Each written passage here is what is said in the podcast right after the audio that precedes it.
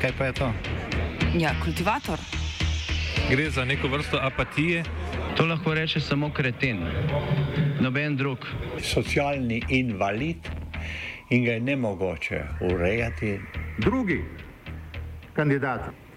Pa, eh, pa pije, kadi, masturbira, vse kako ti lahko reče. Nihče tega ne ve. Vsak petek skultiviramo dogodek tedna. Lahko po kriterijih radio študent, težko pa po evropskih kriterijih. Ampak na drug način, kot vi to mislite. Kultivator vedno užge. da pač nekdo sploh omenja probleme, ki so in da pravzaprav sploh nekdo sproži dogajanje uh, v družbi. To drži, drži. Tarča je RTV.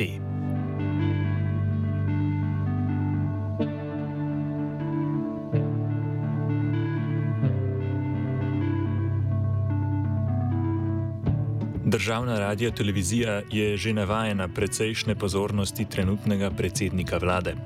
V času, ko se mandat trenutnega sklica državnega zbora vse bolj bliža k koncu, pa se na, dogajanje na RTV vse bolj premika v politično središče pozornosti. Pomemben razlog za to je tudi dejstvo, da se tako programskemu kot tudi nadzornemu svetu RTV-a ta mesec izteče štiriletni mandat. Ta teden pa je dogajanje še dodatno pogrela oddaja Tarča, ki je bila na sporedu konec prejšnjega tedna in je obravnavala, zdaj že brez obsodbe, zaključene sodne postopke ter kriminalistične preiskave proti nekdanjemu županu Maribora, danes državnemu sekretarju na Ministrstvu za notranje zadeve Francu Kanglerju.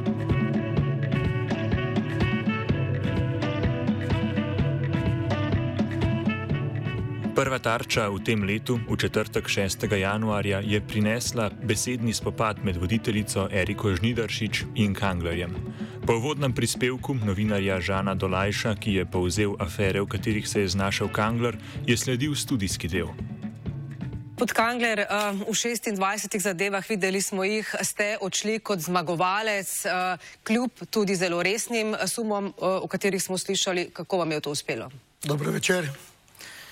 Spet smo priča ponovnemu dokazu, da to, kar sem danes tukaj slišal, toliko laži na nacionalni televiziji, tega še komunisti po letu 1945 niso storili. Gospod Kanjel, to so podatki iz ja. uradne dokumentacije. Ne, to ni res. To, to so velik... podatki iz uradne dokumentacije, tudi vi ste nam posredovali nekatere izmed njih. To so velike laži. To pravite vi, ampak pač jaz moram pa povedati, glede da... mojega premoženja ja. je zakonito, sodišče gotovilo, sodni izvedenec finančne stroke in sodna izvedenka kmetijske stroke sta potrdila moje navedbe, navedbe prič in vseh To smo list... povedali, kaj pa, kje so bile pa laži, pa to mi povejte potem. Laži pa so laži. bile, kje? da je Kanglerova žena kar ste povedali, nalagala denar v trezor, da jaz nisem mogel preživeti, ki sem skromno delo. To je izjava vaše žene, gospod Kangler. Ne, to, to je bila izjava vaše žene. Poglejte, kaj ste predstavili divje svinje, mene v kmetijski obleki, koze. Oci, vi, se, vi se norčujete iz dela na kmetiji. Kager, Jaz sem pa ponosen na to, da lahko delam na kmetiji. Ja, to In, smo predstavili, kaj ste vi seveda, tudi pojasnili na komisiji za preprečevanje ja, korupcije. Tudi, tudi na sodišču to niso bile laži. Tudi na komisiji za preprečevanje pri gospodu Klemenčiču. Bil sem brez odvetnika tam, ker je, je bil, ni bilo potrebe.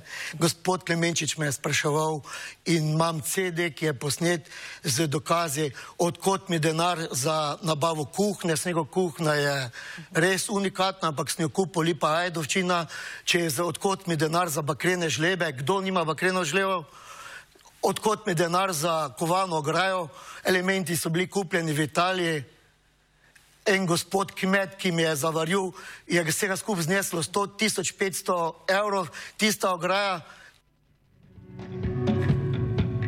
Voditeljica in gost sta si večkrat skočila v besedo, kar je botrovalo povišanim tonom, med drugim tudi obtožbam o zavajanju. Zapise, prepise, ki niso imeli ustrezne neodvisnosti. Ampak zdaj mi niste odgovorili na to vprašanje, to ni bila čista laž, to pa moram vas zdaj popraviti, pa... ker to poročilo tukaj le v roki držim in tukaj so zapisali, da, uh, pogledajte, niso bile ugotovljene sistemske pomankljivosti, ki bi kazale na pojav nezakonitega dela policije pred kazenskem postopku pri zbiranju obvestil in tako naprej in da naj nadaljujejo standardom zbiranja obvestil. No, jaz vam bom povedal, to citiram poročilo. To, po, to je policije. poročilo, ki so ga delali policisti sami ja. sebi. Ne, pod Vinkom Gorenakom, takrat je bil minister. Ni Vinko Gorenak delal nadzor, se delajo kriminalisti ali pa uh -huh. pooblaščena skupina, ki jo določi generalni direktor policije. Se pravi, po vašem... bodo sami sebe namakali, oprostite, no?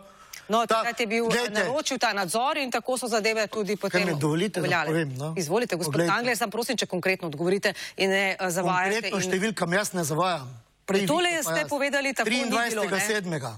2010 so kriminalisti podali poročilo v skladu s 151. členom ZKP-a na, na državno tožilstvo. Zraven so priložili trikrat kopije DVD-ov trikrat redniki prepisov pogovorov. Niso imeli ne odredbe za prepise pogovorov v skladu z 153. členom, tretjim odstavkom ZKP-ov v povezavi z 83. členom ZKP-ov. Kopije se ne smejo delati DVD-ov, samo v originalu in v celoti se podajo. Kaj je to povezano zdaj z gospodom Žirovnikom, o, o katerem sem vas spraševala? Seveda je to povezano, ker on je 26.7.2010 te DVD-je in kopije prezel in bi moral to ugotoviti.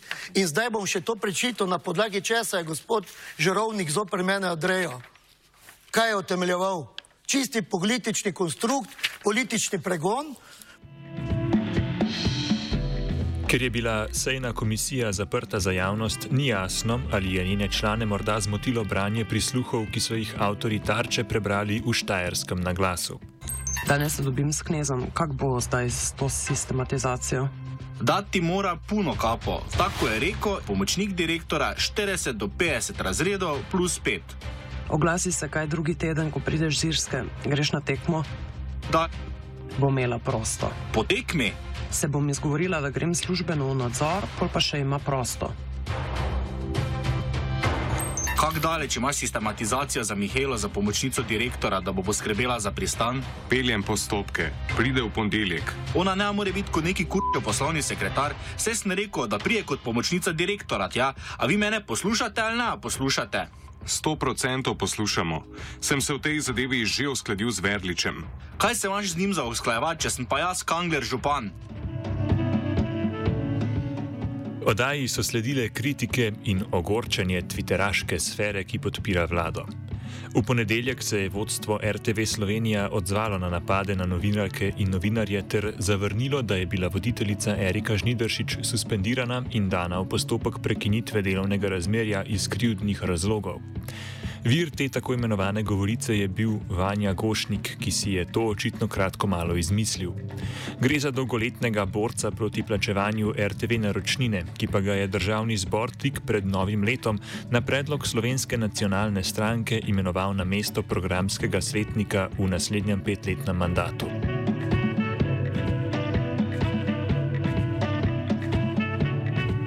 Programski svetnik Slavko Kmetič, ki je bil v trenutni programski svet izvoljen na predlog SDS, je predsednika sveta Cirila Baškoviča pozval k sklicu izredne seje sveta, kar je slednji zavrnil, a obljubil, da bo ta točka na naslednji redni seji, ki bo 24. januarja.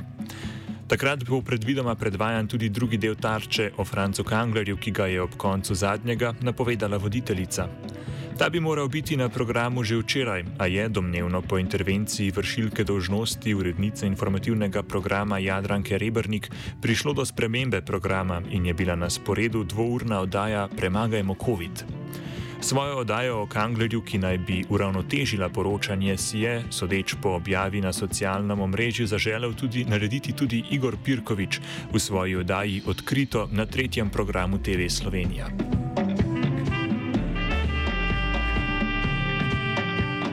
Tarčo je na sicer sploh prvi izredni seji včeraj obravnavala Komisija za informativne programe programskega sveta, ki jo je sklical njen predsednik Leon Oblak.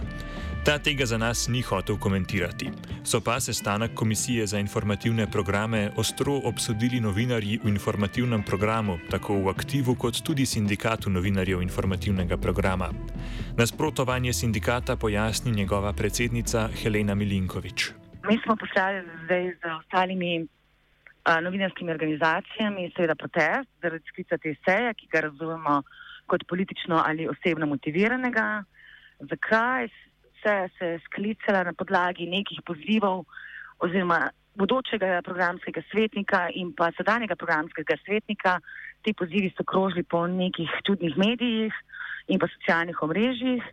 Na to se je zgodil sklic izredne seje Komisije za informativne programe. Komisija tak sklic, uh, izredni nadzor seveda lahko upravi, zato to pravico jim daje tako metodologija programskega sveta, kot tudi poslovnik, ampak tu ni bil izpolnjen ključen pogoj in to je um, seveda uh, ocena varuhinje, ali je bil v daji kršen novinarski kodeks in druga programska merila. Edino v tem primeru lahko programski svetniki skličajo izreden nadzor oziroma ga izvedejo. V drugem primeru je to pač nezakonito in mi drugače tega ne moremo razumeti, kot da gre za drugo, za nek drugi motiv in to razumemo kot pritisk na uredništvo in seveda na voditeljico Eriko Žnideršič, glede na to, da so nekateri celo pozivali k sankcioniranju voditeljice in tako naprej. Za nas je seveda to problematično, vodstvo smo prav tako pozvali naj zaščiti kolege. Na seji so bili poleg članov še urednica Jadranka Rebrnik, varuhinja pravic gledalcev in poslušalcev RTV Slovenija Ilinka Todorovski, generalni direktor RTV Slovenija Andrej Grah-Watmov, vedi direktorja TV Slovenija Valentin Areh in strokovna direktorica za tržne dejavnosti in programske vsebine RTV Slovenija Vesna Zadravec. To pa ni pa bilo prisotnih ustvarjalcev tarče. Sklenili so, da se sestanejo še enkrat in da od vodstva RTV zahtevajo dodatna gradiva. V sindikatu zahtevajo, da do seje ne pride, saj za njo ni nobene podlage. Kljub našemu pozivu so svetniki zignorirali naš poziv na nepravilnosti in bodo to sejo nadaljevali 24.1. o izrednem nadzoru glede tarče ko bo tudi zadnja seja programskega sveta, redna seja v tej sestavi. Potem pa imamo že nov programski svet in lahko pričakujemo, da se bojo take prakse glede na izrečeno uh, nadaljevale oziroma zaostrovale. Uh, tu pa pač pozivamo vodstvo, naj poziva in spoštujejo ne, uh, statut, zakon in pravila, ki so jih sami programski svetniki postavili. Danes smo na njih naslovili še en poziv in sicer naj prekličajo sklic te seje.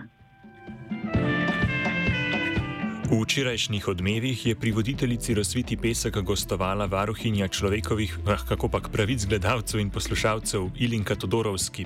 Na vprašanje, kako komentira sejo in zapise nekaterih programskih svetnikov, ki pozivajo k odrezu voditeljice tarče, pri čemer je bilo govora o Vanetu Gošniku, je Todorovski odgovorila. Eh, brez dvoma to, kar spremljamo recimo na družbenih omrežjih, eh, različni vplivneži in tudi ljudje iz naše hiše, eh, tudi naši kolegi na vse zadnje, veliko krat človek ostane brez besed. Mislim, da napišejo tudi nezapisljivo in izrečejo neizrekljivo.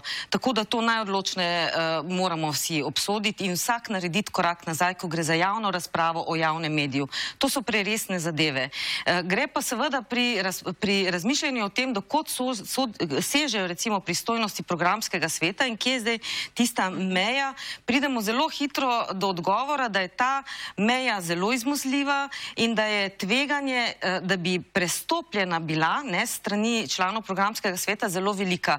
Zato si je programski svet pravzaprav zamislil inštitut varuha, da strokovnega vidika pogleda, kako je s programsko vsebino, ki je predmet nekih pritožb in šele potem po neki taki predpisani proceduri, protokolu se opravi razprava in na podlagi tega potem morda tudi predlagajo neki ukrepi. Ukrepi seveda niso kadrovske narave, da se reče, zdaj pa ta meni ni všeč ali mhm, poglej, kako je mhm. ostro vprašal, zdaj ga moramo pa zamenjati. Ne? Tudi Todorovski v konkretni zadevi, torej razpravi o tarči, izjemno preseneča, da je bila seja programske komisije sploh sklicana. Teh petih letih je to prvi takšen primer. Kaj se je tako zelo, zelo mudilo, da je bilo treba danes sesti za mizo in si povedati, eh, kaj menimo v tej oddaji, ki pravzaprav še ni končana. Ker kot smo slišali po koncu te oddaje, sledi še drugi del, počakajmo drugi del, počakajmo na strokovno presojo varuha in potem lahko sledi neka razprava. V vsakem primeru odzivi so zrcalo, ne smemo jih kar vreči čez ramo in reči, to ni pomembno ali pa to je vse politikanstvo. Odziv je treba sleči do kosti, pogledati, ali je bilo vse prav, ali je bilo kaj narobe. Fokus, kontekst, žanr, poklicna merila in tako naprej. In če je bilo narobe, dajmo se o tem pogovoriti in dajmo ukrepati. Ampak ne tako kar poprek, da se reče, za aviona se vidi, splošno je znano, uh, sramota, grozljivo in tako naprej. Družabna, uh, družabni mediji so prekletstvo. Drži. Drži. Za dogajanje okoli RTV-ja je najpomembnejša okoliščina, da se trenutnemu programskemu in nadzornemu svetu konec meseca izteče mandat. Nove člane je državni zbor že izvolil. Imenovani kandidati so bili predlagani na podlagi priporočil koalicijskih strank ali koaliciji naklonjenih poslanskih skupin. Glasovanje o imenovanju je potekalo brez navzočnosti poslancev LMŠ-ja, SD-ja, Levice, Saba in treh nepovezanih poslancev. Trdijo namreč, da predlogi o novih članih ne upoštevajo zakona o RTV. Ta naroča, da mora državni zbor pri imenovanju v programski in nadzorni svet v največji možni meri upoštevati zastopanost strank v parlamentu. Da je predlog kandidatov v neskladju z zakonom, je presodila tudi pravna služba državnega zbora, zaradi česar predsednik državnega zbora Igor Zorčič glasovanja ni uvrstil na redno decembrsko sejo. Na predlog koalicijskih poslanskih skupin je bila zato sklicana izredna seja.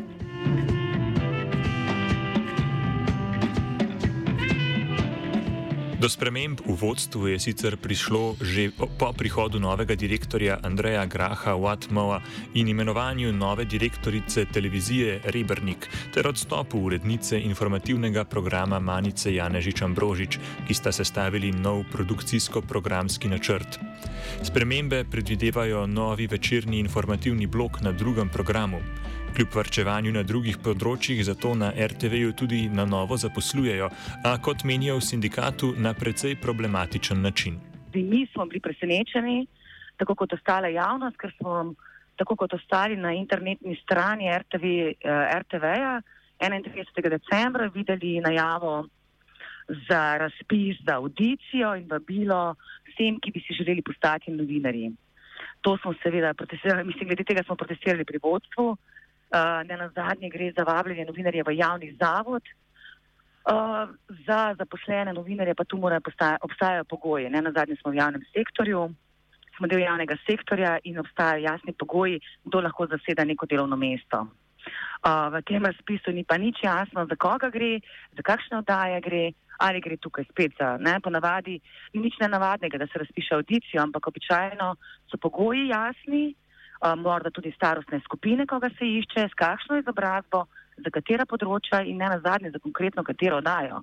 Ne pa kar za televizijo, zdaj je neka audicija razpisana brez nekih omejitev, jasnih kriterijev. V uh, informativnem bloku drugega programa. Seveda je za nas kot sindikat pač to problematično, glede na to, da so za ta delovna mesta razpisani zelo visoki uh, razredi, plačni razredi, ki jih novinari in uredniki, ki delajo sedaj, raz, enako zahtevne ali še bolj zahtevne oddaje nimajo. In vodstvo vse čas to problematizira in napredovanja so nekako bila že leta zamrznjena. Novi programi bi se morali začeti čez dobra dva meseca, a kot pravi Milinkovič, o tem, kako bo potekalo delo, ne vedo še nič. Mi ne vemo, kdo bo delal točno kjer program, in kako bo vsebinsko to pač bilo, mislim, videti. Pogajanja potekajo nekako med uredništvom in uh, vedi direktorja televizije.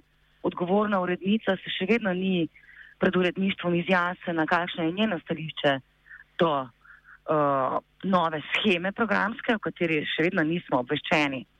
Mi približno vemo, ne, imamo informacije strani vede direktorja, kako naj bi to izgledalo, ampak nas še vedno zanimajo produkcijske možnosti. Tu so še montaže, uh, snemalne ekipe in podobno. Ne. Uh, zaposleni pa morajo biti seveda obveščeni pravočasno, ali se jim bo delovni čas spremenil in kako. Ne. Za radio televizijo Slovenija bi lahko že pred zdajšnjo vlado dali oceno, da bi lahko bila boljša. Nekatere kritike oddaj, tudi zadnje tarče, so primerne, a to ni predmet trenutnih kritik. Te se vršijo zgolj po liniji domnevne uravnoteženosti poročanja, ki naj bi bila enakomerna zmes levih in desnih stališč. A to pomeni nazadovanje tega, kar bi javni mediji, mediji morali biti, razvrednoti pa se sama kritika RTV-ja. Kultiviral je gal. E,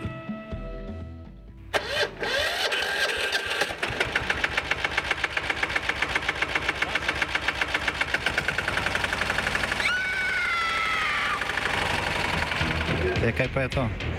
Ja, kultivator. Gre za neko vrsto apatije. To lahko reče samo kreten, noben drug.